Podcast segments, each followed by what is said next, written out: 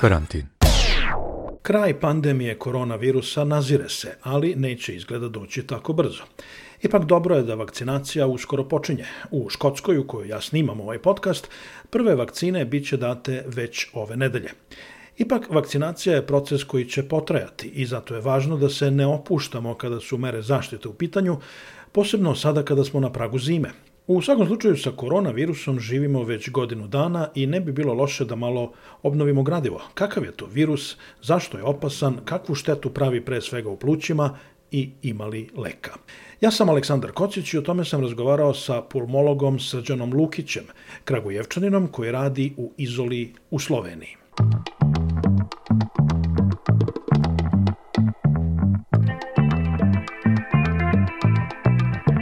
Radio karantin. Prvo me interesuje kakva je trenutna situacija kod vas u Sloveniji? U Sloveniji je situacija, situacija teška, ali je stabilna. E, mere su uvedene tamo sredinom oktobra i e, u početku je trebalo jedno 15-20 dana da bi se usporio rast e, e, novobolelih, onda su dostignut taj neki plato. E, što se tiče broja hospitalizovanih, on je nastavio da raste jedno mesec dana nakon uvođenja e, mera, ali se i on zaustavio u nekom momentu. Jedini je problem što sad svi očekuju da taj broj počne da pada i broj novobolelih i broj hospitalizovanih, ali to se još uvek ne dešava, tako da nemamo baš neki pametan odgovor na to zašto se to ne dešava. Zdravstveni sistem još uvek uspeva da se, da se nosi, kapaciteti nisu popunjeni. U Srbiji je uh, napravljena varijanta da ako bolnica uđe u COVID sistem, ona cela ulazi u COVID sistem. Ovde su sve bolnice uh, u COVID sistemu, ali rade i svoj regularni posao koji je naravno smanjen zbog uh, obima kapaciteta. Uh, tako da sve, sve bolnice imaju svoja COVID odeljenja. Još uvijek ima mesta. Da, mislim da je tako i kod nas ovde u Britaniji. E, nema posebnih bolnica koje su u COVID sistemu, nego samo odelenja. Šta ste vi kao uh, lekar, kao specijalista za pluća i plućne bolesti do sada naučili o uh, COVID-19?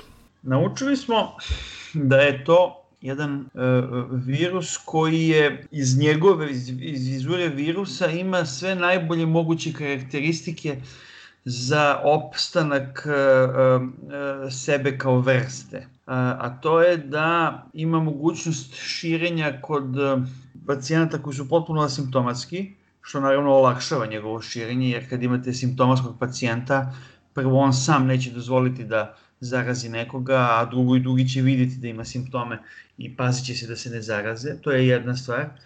Druga stvar je da ima dosta variabilan inkubacioni period, odnosno kada uđe u organizam čoveka, nekad može da prođe i do 10 do 14 dana dok se ne pojave simptomi, što je opet veoma važno za njegovo širenje, jer kada imate neki virus koji je veoma penetrantan jak, ako ima inkubacijni period od krat, koji je kratak, recimo dan do dva, vi ćete taj virus veoma lako da ograničite. Prosto kada vidite da izbije negde epidemija takvog virusa koji ima kratak inkubacijni period, zatvorit ćete celu oblast na dan, dva, tri, posle toga ko je ostao zdrav, taj je zdrav, ko nije ostao zdrav, taj će biti lečen.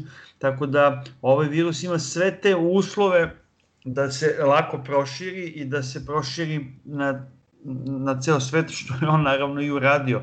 Te karakteristike mu omogućavaju i da opstaje u populaciji. Prosto vi nikad ni u jednom jedinom momentu ne možete da budete 100% sigurni da li je neko uh, čisti zdrav od virusa. Jer, tako da je to s te strane, s te epidemiološke strane je nešto što ne znam da smo nekad videli u istoriji čovečanstva, jer generalno sve te velike epidemije koje su postojale, su postojale, su bile od strane mikroorganizama koji su imali neke tipične karakteristike, znači jasan inkubacijni period, jasna simptomatologija, možete da ga ograničite, ne možete, mislim, te velike epidemije kao što su bile, ne znam, kuga, kolera, virus gripa su, su bile dosta smrtonosne upravo zbog to, samo zbog toga što tad ljudi nisu imali mogućnost da to spreče. Kada bi se to danas javilo, danas ne može ni da se jave te epidemije tih mikroorganizama, to bi bilo mnogo, mnogo bolje savladan. To je respiratorni virus koji najviše napada uh, disajne puteve, najviše napada pluća u stvari. Šta tačno taj virus uradi u plućima? To je respiratorni virus, u grupi respiratornih virusa imamo već dosta, dosta poznatih virusa, kao što su, ne znam, adenovirus, rinovirus, respiratorni sincicijalni virus, humani metapneumovirus, pa onda virus gripa, virus parainfluence, i oni su, čak i stari koronavirusi, ti humani koronavirusi, postoje četiri soja koje cirkulišu već, već decenijama u, u ljudskoj populaciji i to su virusi koji uglavnom E, napadaju gornji respiratorni sistem. Ovaj virus e, napada, ima veći afinitet za donji respiratorni sistem, što je takođe jedna od karakteristika koja, koja ga razlikuje, koja je nova, u, u smislu da kada imate virus koji ima afinitet za gornji respiratorni sistem, vi ćete prvo dobiti simptomatologiju gornjeg respiratornog sistema, odnosno dobit ćete uh, začepljenost, šmrkljanje, kijanje, i u tom momentu ćete vidjeti da se nešto dešava, da imate, da ste zaraženi sa, sa, sa, sa, sa virusom. To recimo se dešava kod gripa. Grip recimo ima afinitet i za gornji i za donji respiratorni trakt i vi ćete već u startu bolesti vidjeti da je neko bolestan zato što će imati zahvaćenost gornjeg respiratornog sistema. Kod ovog virusa to, toga gotovo uopšte da nema. Znači, uopšte ne postoje simptomi zahvaćenosti uh, gornjeg respiratornog trakta, što ga opet, što mu opet omogućava da se kamuflira dok uh, se ne spusti u, u, u donji respiratorni trakt i tu onda ovaj, e, može, ali i ne mora da dođe do zahvaćenosti plućnog parenhima odnosno tkiva pluća. Kao i kod svakog mikroorganizma, naš organizam prepozna upad stranog tela i aktivira imunni sistem. Da sad ne detaljišemo o imunom sistemu, u svakom slučaju se on aktivira i e, virus se širi po organizmu dok god imunni sistem ne, e, se ne uspostavi na dovoljno jakom nivou da ga zaustavi. Tako da e, ovaj virus e, može biti zaustavljen e, na nivou dok ne dođe do plućnog tkiva i u tom momentu e, će onaj koji ga je dobio imati blažu formu bolesti ako imunni sistem ne, ne uspe da zadrži virus e, na tom nivou, ako virus dođe do, do plućnog parenhima, odnosno plućnog tkiva, onda ćemo imati teže forme bolesti, odnosno srednje tešku, tešku i veoma tešku formu bolesti u zavisnosti dokle bude on stigao, a to znači zahvatanje plućnog tkiva, odnosno upalo pluća. I dolazi do ovaj, ispada u funkciji pluća u tim delovima pluća koji su zahvaćeni. Sad to nikad nije 100%, znači nikad nije upala, pogotovo ne u početku, koja zahvata kompletno tkivo, već to uvek krene sa manjim, manjim delovima i onda prosto kod, opet kod većine ljudi koji imaju upalo pluća će se to zaustaviti na nekom nivou koji neće biti ugrožavajući po pacijenta. I... A upala pluća, izvinite što prekidam, a upala pluća zapravo jedna ekstenzivna reakcija imunog sistema. Upala pluća naravno može biti i samo posledica aktivacije imunog sistema, znači to često vidimo kod autoimunih bolesti. Ali u slučaju kada postoji e, infekcija, to je onda uvek kombinacija, znači ako biste uzeli taj deo pluća koji je, koji je zahvaćen i, i pogledali ga pod mikroskopom, tu ćete videti kombinaciju mikroorganizama i ćelija imunog sistema Tako i u ovom slučaju, naravno sa nekim izuzecima, e, uglavnom su to e, kombinacija znači virusne zahvaćenosti i ćelija imunog sistema. U e, najtežim formama, imamo dve varijante najtežih formi, kada imunni sistem apsolutno ne reaguje, onda možemo naći samo viruse u tim, u tim zahvaćenim delovima pluća. A imamo i kontrasituaciju kada imamo hiperreakciju imunog sistema, E, i onda nastaje takozvani akutni respiratorni distres sindrom, kada uglavnom u tom histološkom uzorku se vide ćelije imunog sistema, a e, samog mikroorganizma je manje, pošto to nije specifično samo za, za COVID, već taj akutni respiratorni distres sindrom se može javiti i kod infekcije bilo kojim drugim mikroorganizmom. Pri dođe do zahvaćenosti plućnog parenhima i onda kada je taj plućni parenhim zahvaćen, on ne, ne ispunjava svoju funkciju. Kako će organizam podneti infekciju zavisi od toga da li e, i koliko je e, procenata pluća zahvaćeno. Što je više procenata pluća zahvaćeno, to je e, klinička slika teža. I onda je neophodan kiselnik kod određenih broja pacijenata. Da, da, da, znači u jednom momentu klinička slika progredira do tog momenta da, do tog uh, dela da je funkcija pluća neadekvatna, odnosno preostali deo pluća koji je ostao zdrav, ne može da kompenzuje ispad dela pluća, sad to zavisi od stanja pluća, ako imate zdravog pravog čoveka, kod njega e, može doći do većeg zahvaćenja, većeg dela pluća, ostatak pluća će to kompenzovati. Ali ako imate recimo nekog ko je pušač, pa ima hronično oštećena pluća, kod njega će mnogo brže da dođe do tog momenta kada će funkcija pluća ispasti da bi e, da će zahtevati e, dodatak kiselnika. To je prosto prvi korak. Naravno bolest se ne mora zaustaviti tu, nego može progredirati i dalje do momenta kada vam čak ni veliki protoci kiselnika nisu dovoljni da funkcija pluća bude adekvatna, pa se onda ide na druge modalitete lečenja, na ozbiljnije kao što su neinvazivna mehanička ventilacija, high flow kiselnična terapija, invazivna mehanička ventilacija, na kraju imamo i ECMO, odnosno to je van, van telesna oksigenacija krvi, kada prosto se, kada pluća toliko su zahvaćena, nekad čak i 100%, da apsolutno se kroz njih ne može ubaciti kiselnik u krv i onda se izvodi ta van telesna oksigenacija gde se krvni sistem spoji na aparat koji vrši oksigenaciju krvi koju on potom vraća nazad u organizam i na taj način se pokušava dati e, vreme na našem imunom sistemu i organizmu da se izbori sa tim virusom. Zbog čega veliki broj pacijenata koji završi na respiratorima kažu ne preživi? E, sama činjenica da je neko ima, ima formu bolesti koja je dovela njega do respiratora nam govori da da, su, da je njegov organizam slab, jer da nije slab ne bi dozvolio, da je jači ne bi dozvolio uopšte da dođe do, do te situacije da je neophodno da bude priključen na respirator. Tako da je sama činjenica da je neko došao do respiratora e, e, već je e, negativna, negativni, ne, negativni prediktivni znak da će se ta bolest završiti dobro. Šta, šta respirator radi? Respirator ne leči Respirator nikog ne može da izleči. Ono što respirator radi je da pomaže bolesnim plućima da rade svoju funkciju dokle god uh, je uh, dokle god je dok, dok se organizam ne izbori sa tim virusom. Tako da ljudi koji dođu na respirator, respirator im pomaže u funkciji pluća, pomaže da, da im dođe dovoljno kiselnika do ostalih do svih do svih organa koji su esencijalni. Ali je tu uh, uh, uvek imate naravno dodatne probleme, jer uh, većina tih ljudi ima neke pridružene hronične bolesti koje se po pravilu u teškim infekcijama pogoršaju.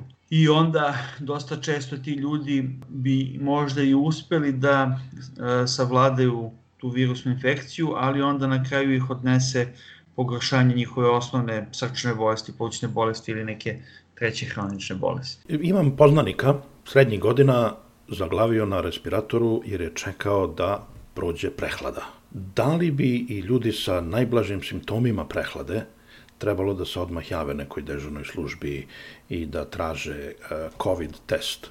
Jer evo sad, sad, sad dolazi zima, duga i hladna i bit će prehlade, bit će gripa, kako da razlikujemo šta je šta? Ne treba pa, dizati paniku zato što se tako dodatno opterećuje već opterećen uh, zdravstveni sistem. Treba, treba ići po uputstvima, uh, ne treba zaobilaziti uh, izabrane lekare. Izabrani lekari su najbrojniji u celom sistemu i oni uh, su tu da naprave trijažu. Znači, uh, ukoliko postoji mogućnost kontaktirati telefonom izabranog lekara, dobiti savjet od njega, ukoliko ne otići do njega i onda će on proceniti da li je to nešto što izgleda kao COVID ili ne jer kao što sam već napomenuo, ta simptomi obične prehlade ne ukazuju, uglavnom ne ukazuju na na COVID, jer COVID zaobiđe taj, mislim, zaobiđe u smislu, uh, gojni respiratorni sistem zaobiđe u smislu da ne pravi tu neku simptomatologiju,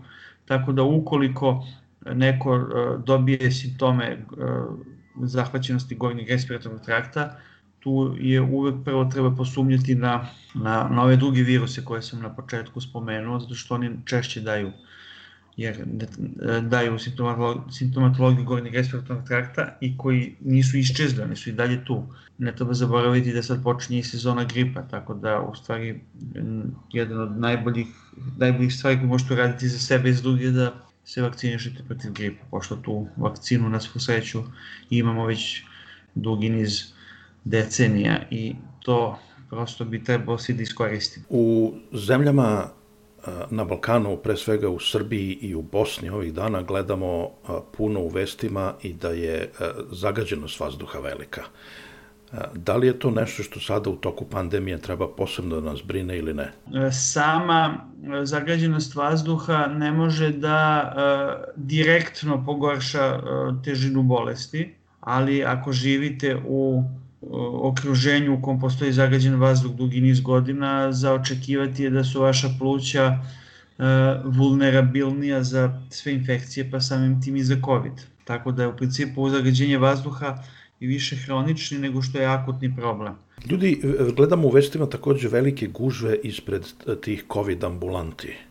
Ljudi dolaze sa simptomima ili jednostavno u strahu da imaju koronavirus i koliko znam u tim ambulantama se e, radi e, rengenski pregled pluća, proverava se krvna slika, meri temperatura i radi se brzi test. Da li su ti brzi testovi dovoljno pouzdani i da li je praktično neophodno da svi ti ljudi dolaze e, na sve te preglede ili je dovoljno samo uraditi test? Najbolje bi bilo jel te, da se prvo uradi test da se dokaže e, infekcija, pa onda da se radi dalja diagnostika. Međutim, ukoliko imate pacijenta koji ima simptome, vi njemu morate uraditi sve te analize rengeni, analize krvi, nevezano od toga da li je u pitanju COVID ili nešto drugo. Tako da, ukoliko neko ima simptome, njemu bi trebalo svakako to uraditi.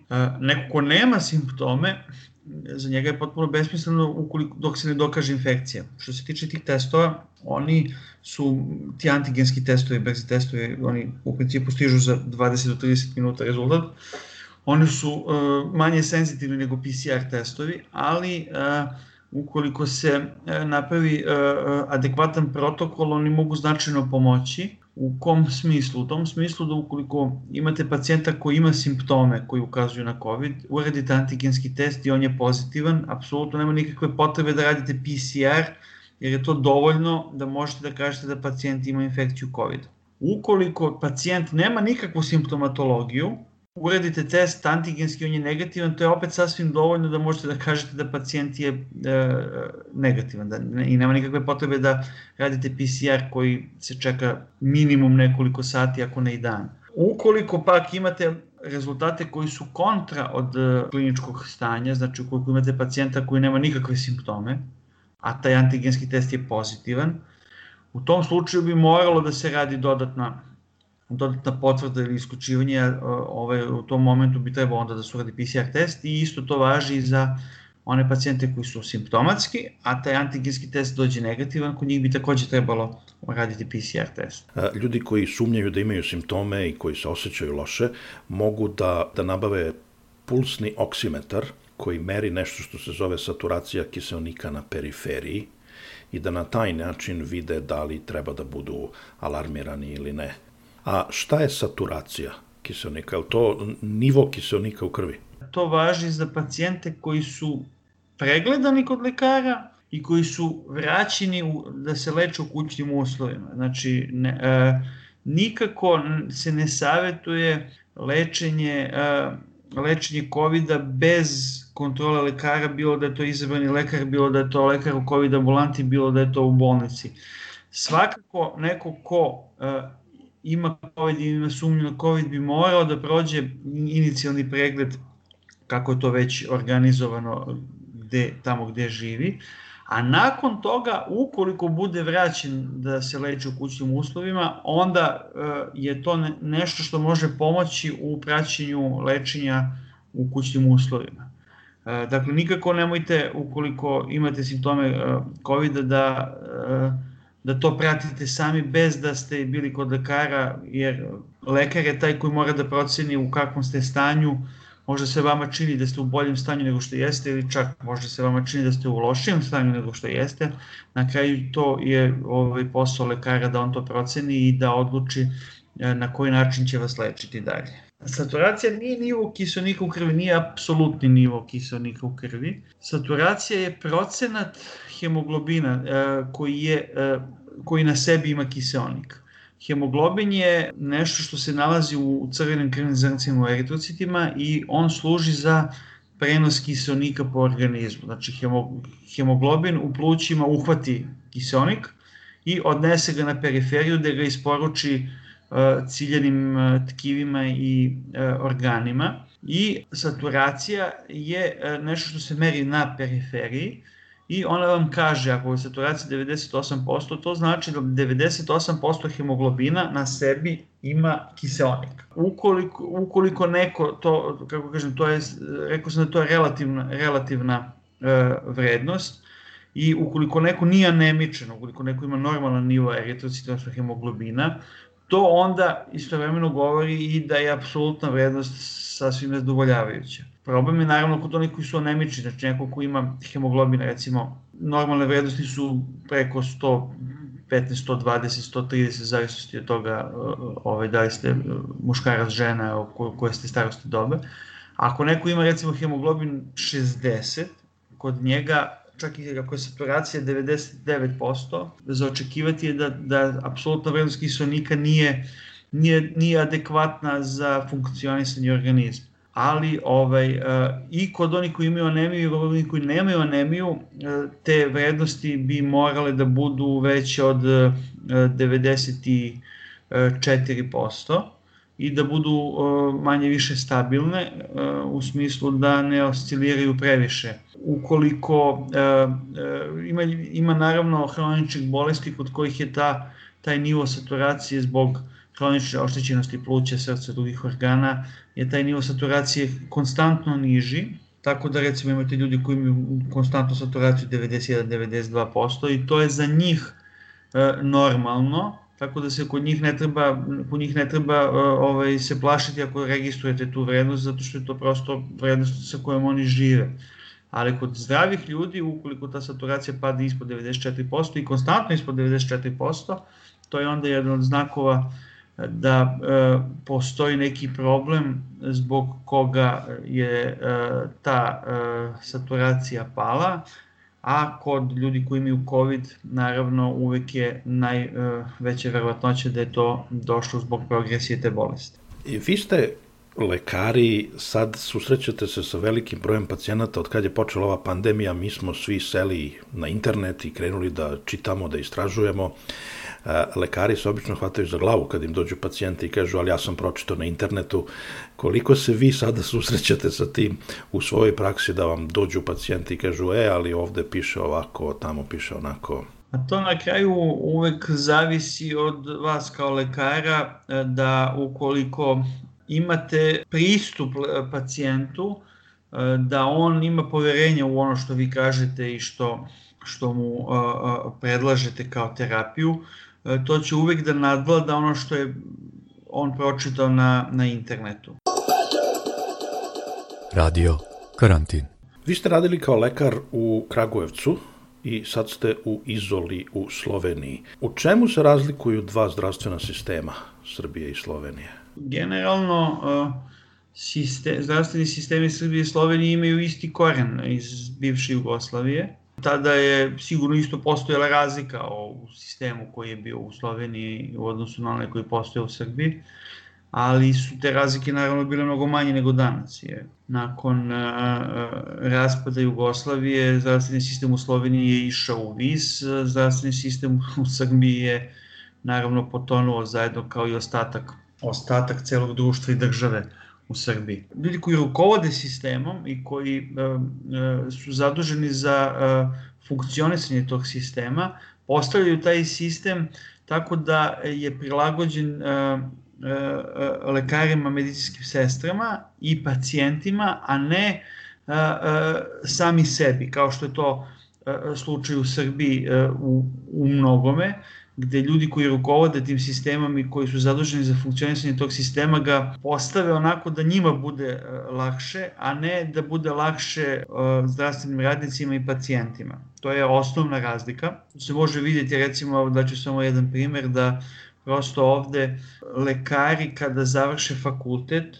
imaju uh, opcije koje su za nastavak savršavanja opcije koje su prilagođene njima samima, a ne ljudima koji vode tim sistemom. Tako da neko ko završi fakultet može da, ukoliko još uvek nije, nije siguran kojom bi se specializacijom bavio, da upiše nešto što se zove sekundarijat i da šest meseci provede na tom sekundarijatu gde će obići nekoliko bolnica, odeljenja i da će videti kako to funkcioniše da bi mogo da se odluči na koju stranu će ići i prosto sistem omogućava e, e, e, lekarima to zato što je prepoznato da je to nešto što je dobro. Evo ja živim u Britaniji gde postoji veliki problem manjka zdravstvenih radnika i očekuje se da će taj problem biti još veći sad kad se završi ovaj tranzicioni period nakon izlaska iz Evropske unije.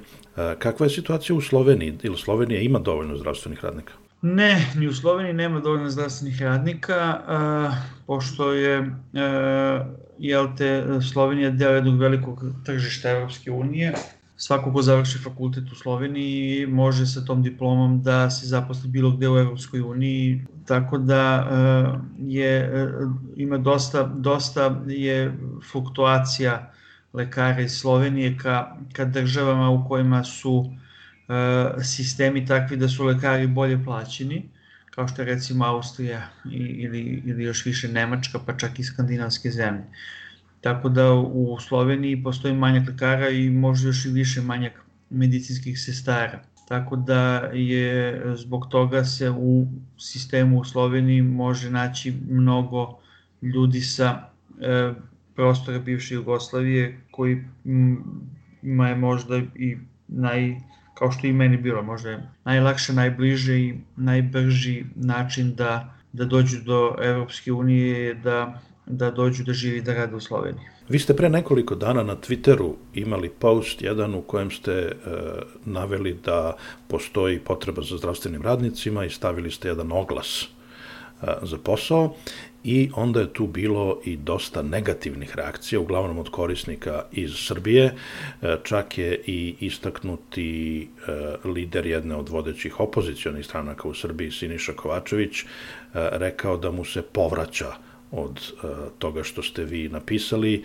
jer sad u ovoj situaciji, u ovoj krizi neko poziva zdravstvene radnike da odu. Kako ste vi to doživjeli? Mislim, ja sam to doživao kao jednu ljudsku reakciju na sve to. E, prosto je situacija vanredna i naravno da razumem zašto neko to doživljava na taj način. Ja prosto sam uh, to napisao iz vizure nekog ko je prošao ceo taj sistem, znajući da, da niko ne može od danas do sutra da se spakuje i da, da naposli svoj posao i da odmah sutra da počne da radi u Sloveniji, jer ta procedura traje nekad i po godinu dana, može čak i više. Tako da je to nešto što je potpuno nevezano za ovu pandemiju. Koliko je kod vas trajao taj e, proces prelaska, završavanja papirologije? Prošlo je od prvog, od prvog mog kontakta sa, sa bolnicom, dok nisam došao u bolnicu, prošlo je e, tačno dve godine, s tim što je to kod mene malo duže trajalo iz prostog razloga što sam imao, u momentu kad sam kontaktirao bolnicu još uvijek nisam imao završen su specialistički ispit. Tako da bi trajalo možda pola godine do godinu dana kraće nego što što je trajalo. Kako zemlje kao što je Srbija mogu da popune te rupe u zdravstvenom sistemu iz domaćih resursa ili da i one olakšaju i omoguće uh, uvoz uh, radne snage u zdravstvu? Pa da Slovenija ima slobodne lekare na, na, na birovu, siguran sam da ne bi uvozila iz bivše Jugoslavije, međutim Slovenija ih nema. Srbija ih ima. Srbija ima, po tim podacima koji cirkulišu, oko 2500 lekara na birovu i ima sistem koji apsolutno ne omogućava tim lekarima ni da se zaposle, ni da se usavršavaju. Ono što bi što je sasvim dovoljno je da se izmeni e, način funkcionisanja zapošljavanja mladih lekara i upućivanje na specializaciju. E, ne mora to da bude po modelu koji, koji figuriše u, u Sloveniji, e, može da se napravi neki model koji je, će biti prilagođeni e, Srbiji, ali prosto se ne sme dozvoliti da kad neko završi medicinski fakultet da bude prepušten sam sebi, da mu se kaže idi ti na biro i čekaj, već se mora aktivno pristupiti svemu tome. Specijalistički kadar u Srbiji je dosta star i e, za očekivati je da će veliki procenat e, ljudi koji su sad specijalisti rade u Srbiji u roku od 5 do 10 godina otići u penziju. Neko to mora da nadoknadi, a to ne može da bude lekar sa biroa koji nikad nije radio u, u, u, toj grani medicine, već taj neko mora da počne da se uh, usavršava u određenoj grani medicine, bar pet, ako ne i deset godina pre nego što će biti uh, adekvatna zamena nekom ko ode u penziju. Samo na kraju, kratko mi recite, u Izoli, jel vam dođu pacijenti posle e, lečenja sa rakicom i kafom ili bombonjerom? E, imali, smo, imali smo primer jednog pacijenta koji je bio lečen kod nas na odeljenju, koji je nakon lečenja poslao a, a, e, jednu veliku kutiju mandarina za celo odeljenje. A, to su mandarine iz njegovog, iz njegovog voćnjaka. I ovde pacijenti na, znaju da izrazi zahvalnost na taj način što je naravno lepo i, ne, i, i niko to ne shvata kao, kao neku, ne, neki mitu i korupciju, već prosto na kraju lečenja na taj način izraž, izražavaju zahvalnost.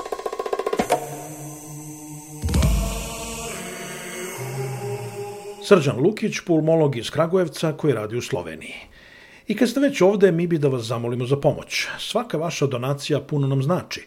Da pokrijemo troškove nabavke neophodne tehnike, postavljanja podcasta, održavanja sajta i promocije. Možete da nam pomognete jednom ili na redovnoj, nedeljnoj ili mesečnoj osnovi.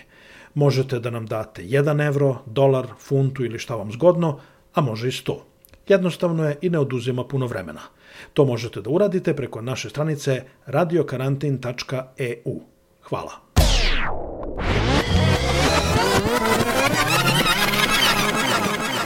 Radio Karantin